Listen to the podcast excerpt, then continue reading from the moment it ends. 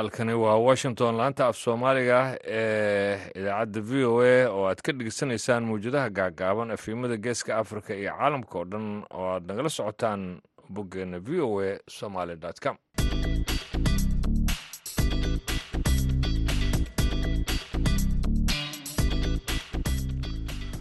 Duhur wanaagsan dhegeystayaal dhammaantiinba waa sabti sagaal labaatanka bisha oktoobar labada kun iyo laba iyo labaatanka afrikada barina saacaddu haatan waa kuwdii iyo barkii duhurnimo.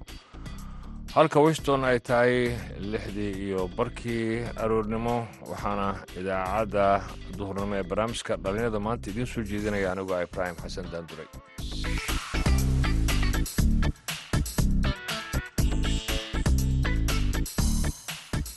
aad ku dhegeysan doontaan idaacaddeenna waxaa ka mid a barnaamijka madasha dhallinyarada oo toddobaadkan ku saabsan horumarka ganacsi ee ka jira soomaaliya iyo doorka dhallinyaradu ay ku leeyihiin. Waxaa jira dhalinyaro badan oo qaarkood ay bisis abuureen qaarkood kalena ay dhiyayaal wadanka looga baahnaa oo muhiima ku soo kordhiyeen. Taasna waxay jaanis u noqotay dhalinyaro badan oo ayagana asxaabtooda inay micnaha ay garab galaan ama ay ku daydaan kaalimihii heesahana waan idin haynaa se yeeshee waxaa ka soo horrayn doonaa warkii.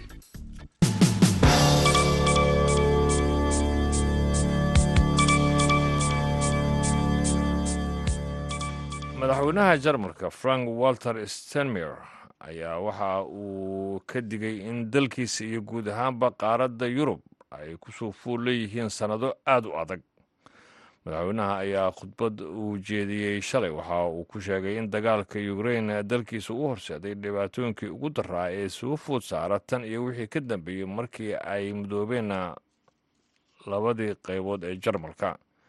Madaxweynaha ayaa meelaha uu tilmaamay ee saameynta adag dagaalku uu ku yeeshay ayaa waxa ay yihiin tamartii oo qaaliya heerka nolosha oo sarreeya iyo saboolnimada oo kortay dhinaca kale madaxweynaha jarmalka ayaa muujiyey sida dalkiisu ay uga go-an tahay in uu garab istaago ukrain iyo weliba gaashaanbuurta nato iyo midooda yurub. Dhaqdhaqaaqayaal ayaa sheegay in ciidamada ammaanka ee dalka iiraan rasaas ay ku fureen dibadbaxayaal magaalo ku taala koonfur bari. Dhaqdhaqaaqayaasha ayaa waxay sheegeen in toogashada ay ka dhacday zahedan ay ku dhinteen ugu yaraan laba qof taasi oo sii hurinaysa xiisado kale.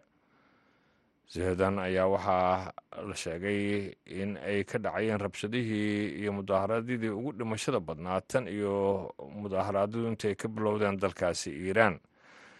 Dibadbaxyada ka dhacay magaalada ayaa waxaa qayb ka ahaa eedeyn kufsi oo loo jeediyey sarkaal sare oo halkaasi ku sugnaa taasi oo ka caraysisay mudaaharaadyada booliiska ee ka dhalatay dhimashadii laba iyo labaatankii bishii sebtembar ee mahsa amini. Mudaaharaadyo ka dhacay magaalada ayaa waxaa la sheegayaa in ay aada u xoog badan yihiin dhaqdhaqaaqayaasha ayaa waxay ku qiyaaseen in zahadan oo keliya ku dhowaad boqol qof lagu dilay tan iyo bishii sebtembar warkiina dhegeystayaal waa nageyntaas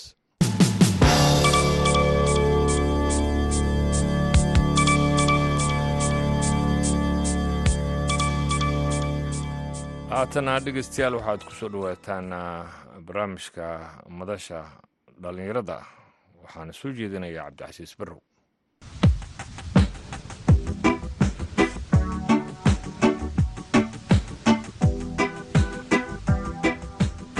Kulanti wanaagsan khiyaartii nala socoto ku soo dhowaada barnaamijkii madasha dhallinyarada ee laanta afka soomaaliga ee v o e da wuxuu idinkaga imaanayaa magaalada muqdisho waxaana idinla socodsiinaya anigoo cabdilcasiis barrow ah. Guud ahaana waxaan uga hadli doonaa dhinaca suuqa iyo ganacsiga iyo weliba kaalinta dhallinyaradu ay ku leeyihiin.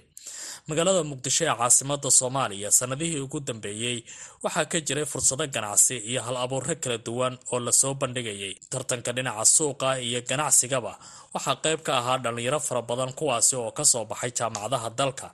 Waxyaabaha ugu badan oo ay dhallinyaradu ka shaqeeyaan waa inay bixiyaan adeeg ganacsi oo dad fara badan aada u soo jiitay sida kuwa ka shaqeeya tiknolojiyada iyo sidoo kale dhallinyaro ka shaqeeya xafiisyo iyaga ay furteen oo qaarkood dhinaca duulimaadyada iyo tikidhada inay jiraan. Ah waxaa jira ganacsiyo kala duwan oo dhallinyaradaasi wax ku bartay dalka ay ka sameynayeen sanadihii ugu dambeeyay. Dalka gaar ahaan magaalada muqdisho waxaana dadka qaar ay aaminsan yihiin in fursadaha soo kordhay ee hoos u dhigtay qulqulkii tahriibka ee dhallinyaro dalka isaga bixi jirtay. Haddaba barnaamijka waxa ay nagala qaybgelaya toddobaadkan muliid maxamuud cawaale oo ka shaqeeya mid ka mid a shirkadaha duulimaadyada bixiya ee ka dhisan muqdisho iyo cali cismaan guuleed oo ka mid a daa'irta waxbaratay oo sidoo kale dhinaca waxbarashada ka shaqeynaya sanadihii dambe. Dhammaantiin ku soo dhawaada barnaamijka dhallinyarada muliid maxamuud cawaale ayaan ku bilaabaya waxaad ka mid tahay dhallinyarada dalka wax ku baratay iminkana ganacsiga ku jirta. Waxaad iga warantaa fursadaha ganacsi ee ka jira caasimada soomaaliya iyo da-yarta muqdisho joogta siday ula jaanqaadayaan cabdicasiis waa ku salaamay adii bahda v o a. Runtii markii loo fiiriyo fursadaha ka jiro magaalada muqdisho ee ganacsiga waxaa jiro fursadooyin badan oo dhanka ganacsiga oo ka jiro magaalada.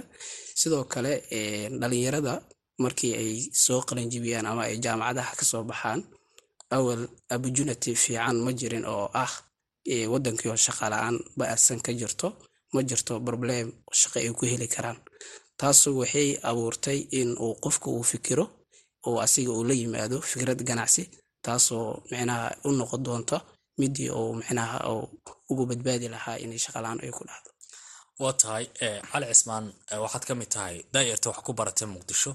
Sidoo kalena dhinaca waxbarashada ka soo shaqaysay. Markii aad fiiriso fursadaha ganacsi ee muqdishada ka soo kabanaysa colaadihii wejiyada kala duwan lahaa iyo sida ay dhalinyarada hal abuurka ula imaanayaan. Waxaad iga warantaa maanta ma la dhihi karaa meel fiican ayaa la joogaa. Cabdicasiis adiga iyo bada v o ga adaa u salaamaya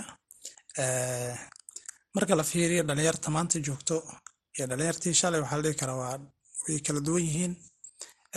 Sababtana waxay tahay dhalinyartii shalay markay soo qalin jibiyaan waxay isugi jireen ama waxay naawali jireen inay jaanis ka helaan ururo dowli ah ama organisationo kale oo local ah iyo meel un ay u shaqo tagaan.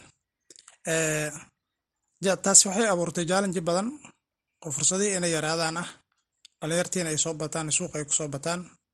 Therefore marka dhalinyarta in badan oo ka mid ah ayaa waxay u fikireen si positive ah waxay isku dayeen inay macnaha ayaga fikir ay abuuraan si ay uga badbaadaan waxbarashada la'aanta iyo scarsitiga suuqa waxbarashada ka jirto iyo jaamka ku soo badanayo oo dhalinyarta waxbarata ah. Therefore waxaan dhigi karnaa maantay waxaa jira dhalinyaro badan oo qaarkood ay business abuureen qaarkood kalena idyaal wadanka looga baahnaa oo muhiima ku soo kordhiyeen. Taasna waxay jaanis u noqotay dhalinyaro badan oo ayagana asxaabtooda inay micnaha ay garab galaan ama ay ku daydaan qaar ka mida inay ayaga ay u noqdaan garab oo isla markaasna shaqala-aantan ay uga badbaadaan. Qaar kalena inay macnaha ay road model u noqdaan oo ay ayagana sameeyaan waxyaabo kale oo oo oo maxaa wadankana muhiim u ah ayagana ay shaqalaanta uga badbaadaan. Waa gartay mulid kulley suuqaad ka shaqaysaa in muddahana howlahan tikidhada iyo duulimaadyada iyo waad ka shaqaynaysa waxaad iga warantaa dhalinyarada fikradaha ganacsi la imaanaya. Waxyaabaha ugu badan oo ay kala kulmaan suuqa markay cusub yihiin maxaa ka mid ah? Runtii waa waa su'aal aada muhiim u ah.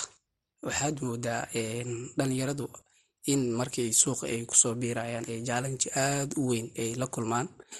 Laakiin jaalanjigaas ay la kulmayaan waxaa ka muhiimsan ama ka awood badan shaqala-aanta ahayso jaalinja kasta oo soo faysgareeya markasta waxay sameeyaan inay ayagan ay faysgareeyaan jaalinjyada ugu badan oo ay suuqa kala kulmaan waxaa ka mid ah in ay fikir la yimaadiin fikirkii ay la yimideen inay waayaan wax maalgelin ay waayaan taasoo abuurtay in jaalanji ku noqonayso.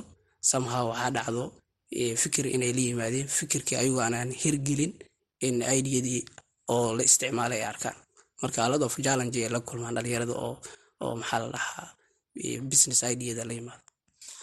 Waa garta waxaad ii sheegtay in fikir ay muddo dheer u wadeen suuqa markay la yimaadaan cid maalgelisa mararka qaar la waayo. Kadibna ay arkaan dad kaloo isticmaalaya oo fikirkii laga faa'iidaystay. Taas markay dhacdo oo kale qofka miyuu niyo jabaa oo guud ahaanba dhalinyarada inta badana ka hadlaynaa ganacsigii iyo fikirkii ay wadeen ma ka fadhiistaan runtii maya ma ka fadhiistaan? Waxay isku dayaan ayaga mar walba way qasban yihiin sababtoo ah opportunity ma ka jiro oo shaqaale maxaa la suuqa kama jiro. Marka in ay abuurtaan fursad maalgelin ama fursad shaqo inay abuurtaan ayagay ku qasbayeen marka waxay sameeyaan inay idadaas bedelaan ay fikrad kale ay la yimaadeen taasoo ama qof kale oo saaxiibkiisa ku garab siiyo ama institution kale dhultaba marka ugu dambeysana ay ku guuleystaan. Waa gartay cali cismaan marka dhalinyarada laga hadlo tobannaan sano ka hor waxyaabaha ugu badan oo ay ka fikri jireen waxay ahayd colaadaha dhacaya mustaqbal baad u baahan tahay inaad samaysato. Dhalinyaradii dariskiina ahayd oo dhan waa ay tahriibeen ama dalkii isaga baxeen oo ugu yaraan meel nabdoon iyo nolol ayay naawilanay heleen. Adna sideebaad uga baxdaa? Maanta waxyaabaha ugu badan oo dhalinta muqdisho joogta ay ka fikirta maxay tahay? Cabdicasiisow dhalinta ugu badan maanta waxay ka fikiraysaa waxay tahay? Horta dhalinyartii oo tahriibaysay iyo waxa waaye waxaa umaleysaa inay ka dheragsan yihiin maanta meesha loo tahriibayo iyo waxyaabaha ay kala kulmaan dhalinta tahriibtay intaba. Dhalinta maanta joogto waxaa moodaa in wacyigooda uu ka sarreeyo meeshii shala uu joogo. Kadib markii ay asxaabtooda oo in badan meelahaas jir ay ka warhayaan oo ay xiriir toosa la sameeyaan. Dhalinta maanta joogta marka waxyaaba ay ka fikiraan wax ka mid a oo aysan shalay ku fikiri karin. Waxa ugu badan ay ka fikiraan waa inay maanta ururo dowli a u shaqeeyaan. Inay sameeyaan business ayaga u gaar ah. Inay samaystaan maxaa loo yaqaanaa mataqaanaa idea inay keenaan oo ay cid investment u raadsadaan soo marka inay business abuuraan waa waxa ugu muhiimsan ay maanta ka fikiraan. Waxa kale ay ka fikiraan waxay tahay inay urur on dowli ah ama cid ama organization dowli ha ahaada ama dowliysan ahaanin inay maxaa la mataqaanaa inay ka shaqeeyaan oo wadankooda ay ka shaqaystaan oo waxa ugu muhiimsan ay maanta ka fikiraan dhalinta waxbarati waa gartay waxaad ii sheegtay dhalinyaradu inay ka fikirayaan wadanka dhexdiisa inay shaqo ka helaan ama inay ganacsi sameeyaan oo kale. Bal waxaan rabnaa inaan dad fara badan oo na dhegaysanaya aan u sawirno sida shaqooyinka lagu helo waxaad iiga warantaa qofka haddii uusan jaamacad ka soo bixin oo kale ama xirfad weyn oo suuqa ku galo oo ganacsi oo ama xirfadaha gacanta lamida uusan lahayn raje intee leeg ayuu ka qabaa qofkaasi dhalinyarada ah inuu dibba shaqo heli karo? Walahi horta cabdicasiis horta aaday u adag tahay. Qofka haddii uusan waxbaranin inuu si uun magaalada ula qabsado laakiin qofkii dhalinyarta waxbaratay waxay leeyihiin jaanisyo badan haddii ay noqoto business haddii ay noqoto shaqo kale soomaaliya joognaa anaga waa naqaanaa qaabka wax loo shaqaaleysiiyo laba unbay waday ku imaataa. Qofkii inuu iskiis jaanis u helo oo markaa xirfadiisa ama wax looga maarmi waayo asaga oo muhiim wax shaqo ah oo asaga ku xiran inuu helo waa laga yaabaa. Taa waa qof iyo nasiibkiisa shaqada kale haddii ay tahay organization wuxuu ku qasban yahay inuu weji qofkaas u isticmaalo hadba wuxuu doona ha aade haddii tahay faa'iidaho kale ama wixii lamida waa laga yaabaa inuu imtixaan saxa ay maraan oo dadkaas saas loo shaqaaleysiiyo taasna waa aqoon iyo xirfad ku tegay haddii kale ay noqoto ururada dowliga oo kale waxaa waaye waxaa muhiim ah inuu qofka weji u isticmaalo iyadoo laga fogaanayo for of security.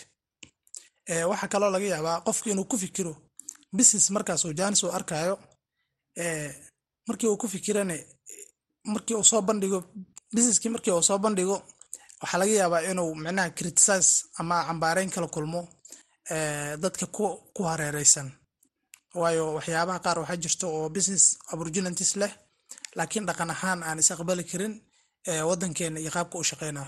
Maxaa ka mid a kuwaas marka haddii aad sii fasirto.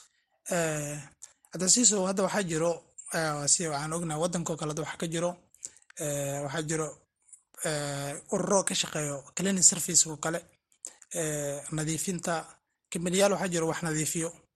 Sida laundrygo kale ama lamadaayadoo kale waxaa jirto barnaamijyo noocaas oo kale ah oo business service ah. Laakiin wadanka dad gooni a umaleysaa inay u maleeyaan dadka inay qaban karaan howshaas therefore waxaa laga yaabaa qofki inuu fikir noocaas oo kala keensado haddana cambaareyn uu kala kulmo iska dhaafo. Oo qofkii waxbarta uusan ka shaqayn karin oo kale waa tahay mawliid maxamuud cawaale waxaan rabaa waxaad labadiinaba ka mid tihiin dhallinyarada magaalada muqdisho uga baxay jaamacadaha dalka hadda si iskaabaad u shaqaysataa waxaad iga warantaa maalintii aad waxbarashada jaamacadda ku jirtay.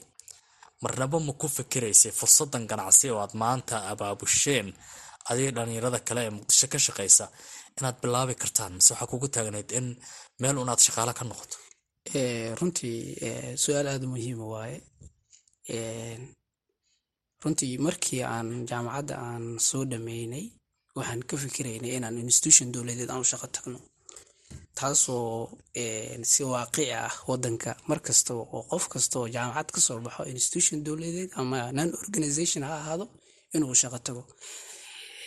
Fikirkaas marka wuxuu isbedelay markii waqti badan ay dhacdo in opportunity shaqalaan ay dhacdo taasoo maskaxdeena iyo fikirkeena dhalinyaro badan marka isku keenay jawaab noo noqotay inaan fikir hal abuur aan la imaano taasoo mid miro dhashay noqotay.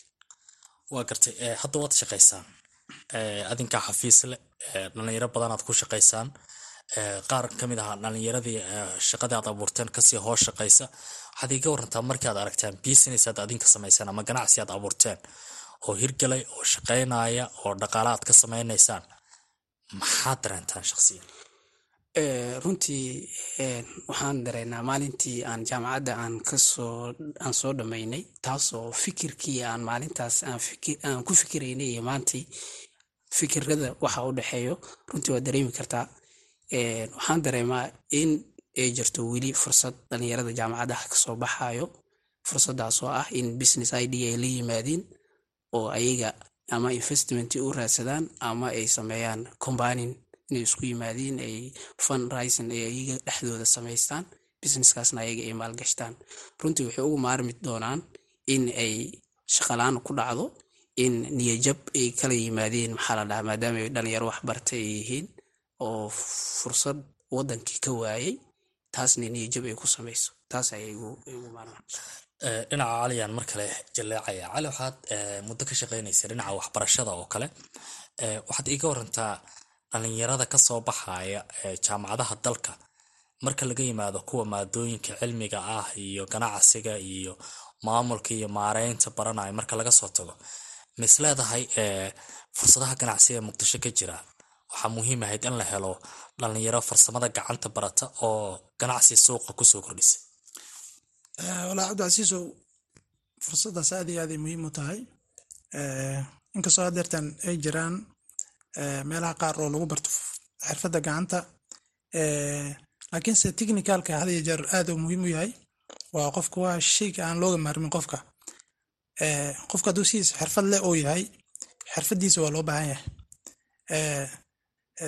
anoo ka faa'iidaysanayo jaaniskan waxaan ku boorin lahaa dhalinyarta soo kacayso ama hadda waxbarashada bilaabayso ama hadda rabta hadda kabacdi inay waxbarato inay ka faa'iidaystaan jaaniskaas oo kale haddii ay helaan skillska ay xoogga saaraan. Waayo skillska wuxuu ka mid yahay waxyaabaha qofka haddii uu barto uu shaqo ku helayo. Taa bedelkeeda weli jaanisa u furan arda dhalinyarta kale oo waxbartay oo maadooyinka kale oo bartay waxay doonaanba ha ahaadaane. Qofku mar haddii uu waxbarto wuxuu leeyahay weli jaanis uu leeyahay uu kaga faa'iidaysan karo. Filligii uu barto ku dabaqi karaa waxaa kaloo ku dabaqi karaa waxyaabo kale oo filligiisa aanan ahayn laakiin aqoon ahaan maxaa la mataqaanaa jaanis kaga faa'iidaysan karaa waa kartay gabagabadii muulid maxaad is leedahay? Tala ahaan waa muhiim in maanta la siiyo dhalinyarada jaamacadaha ka soo baxaysa iyo kuwa aan ka fikiraynba in fursado ganacsi ay jiraan. Taladaad siin lahayd maxay tahay runtii talada aan sii lahay waxaa ka mid ah in la fahansiiyo dhalinyarada orientation loo qabto. Ah intuu qofka shaqo raadsan lahaa inuu asi shaqada abuurto taas talada ugu muhiimsan oo la sii lahay dhalinyarada waa. Sidoo kale waxaan kaloo ku dari lahaa in jaamacadaha dhalinyarada ka soo baxayo in laga dhiso dhanka skiliska waxaad moodaa xirfadaha gacanta. oo kale. Runtii waxaad moodaa dhalinyaradii dambe sanadihii dambe jaamacadaha ka soo baxayay inay ku yar tahay fursadaha maxaa la dhahaa skiliska ama farsamadaha gacanta inay aada ugu yar tahay. Farsamada gacanta waxay ka saacidaysaa qofka shaqo kasta oo technical ah inuu shaqadaas gacantiisa ugu qabsado waana shaqada ugu badanoo hadda wadanka taal. Marka waxaan ii lahaa intii aad shaqo raadi lahayd adugu shaqo abuuro. Aad baad umahadsantihiin mawliid maxamuud cawaale iyo cali cismaan guuleed. Khiyaartiina la socotaa intaas ayaan ku soo gabagabeynaynaa barnaamijkii madasha dhallinyarada anigoo cabdicasiis barro oo muqdisho jooga ayaa idila socodsiinaya tan iyo kulanti dambe nabadgelyo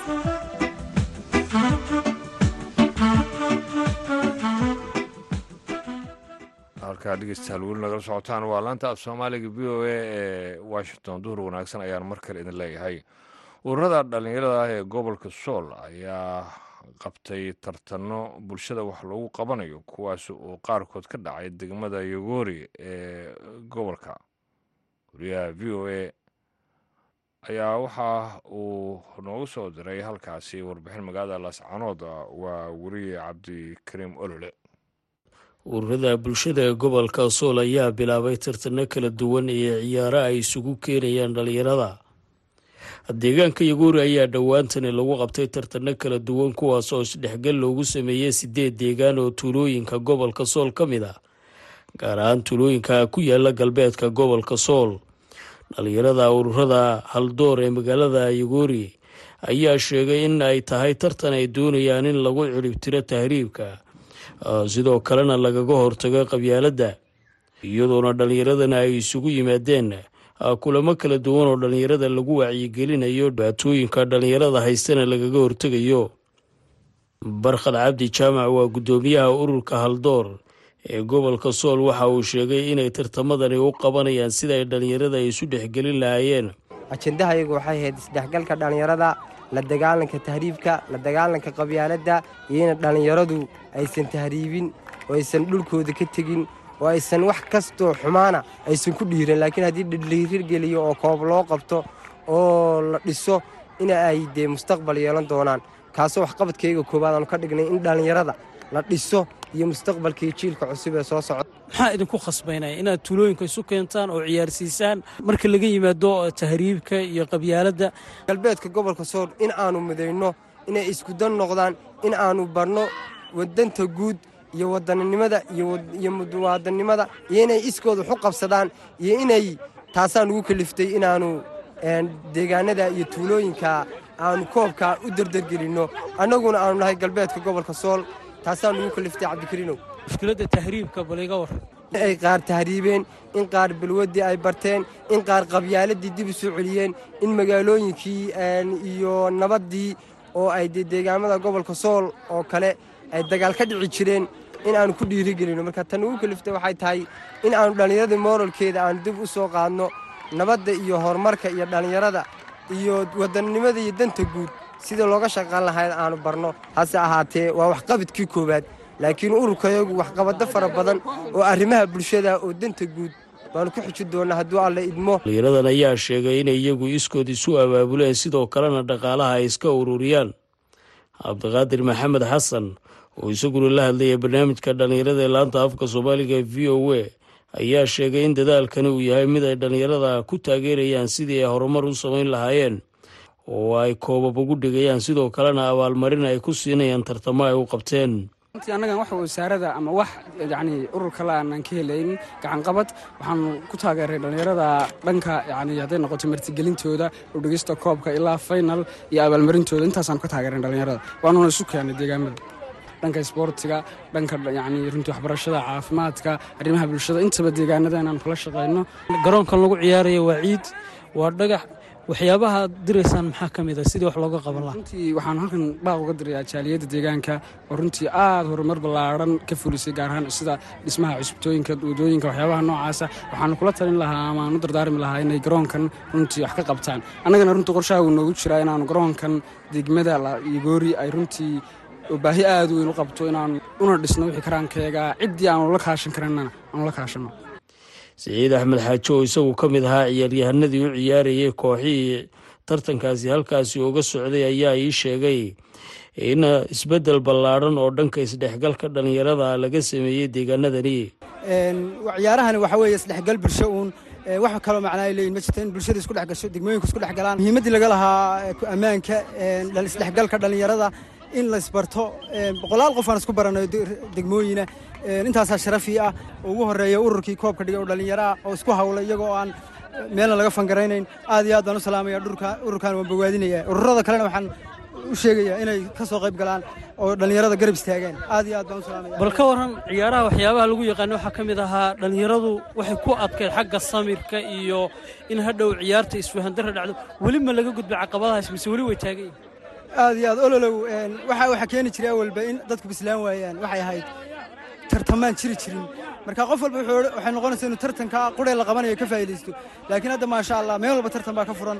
Gobolladii degmooyinkii tuulooyinkii waad aragtaa hadda degmooyinkii baa soo xidmay degmooyin kalaa bilaabmay haddeer degmooyin kalaa la qabanaya marka dadku way bislaadeen oo ciyaarihii baa u suurtoobay oo ciyaarihii baa loo qabanaya aad iyo aad wax badan baa iska bedelay dadkina way bislaadeen. Guud ahaan dhallinyarada ayaa weli dhibaatooyinka haysta gobolka sool ay ka mid tahay tahriibka. Cabdikariin nolol v o a magaalada laascanood waa tahay dhegeystayaal. Haatana dhankii muusica haddii aan jallacno waxaan idin soo qabanaynaa heesta alkudhigeedu yahay nagaadi. Waxaa wada qaadaya hebe maxamed iyo bacalwaan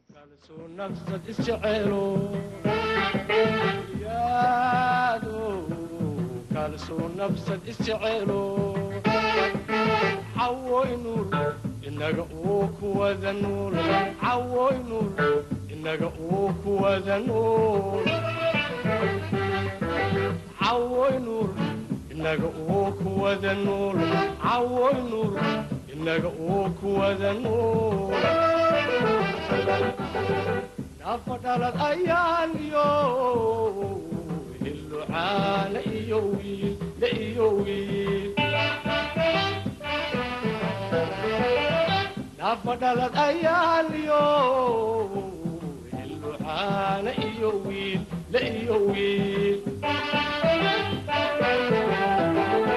wiilkii lagu nasti lagu negaadi. Wiilkii lagu nasti lagu negaadi. Wada jire nabadgala wada jire nabadgala allahayu inaga yeel allahayu inaga yeel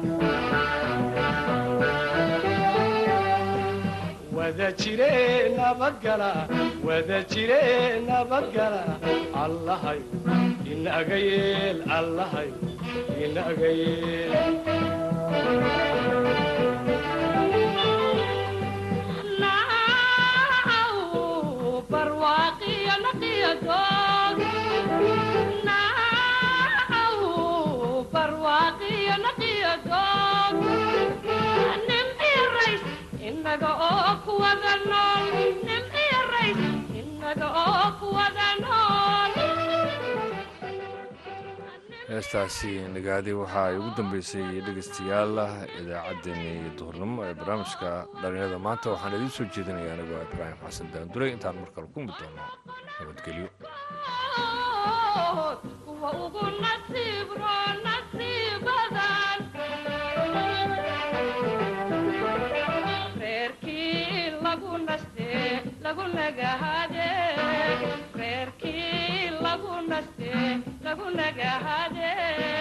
wada jire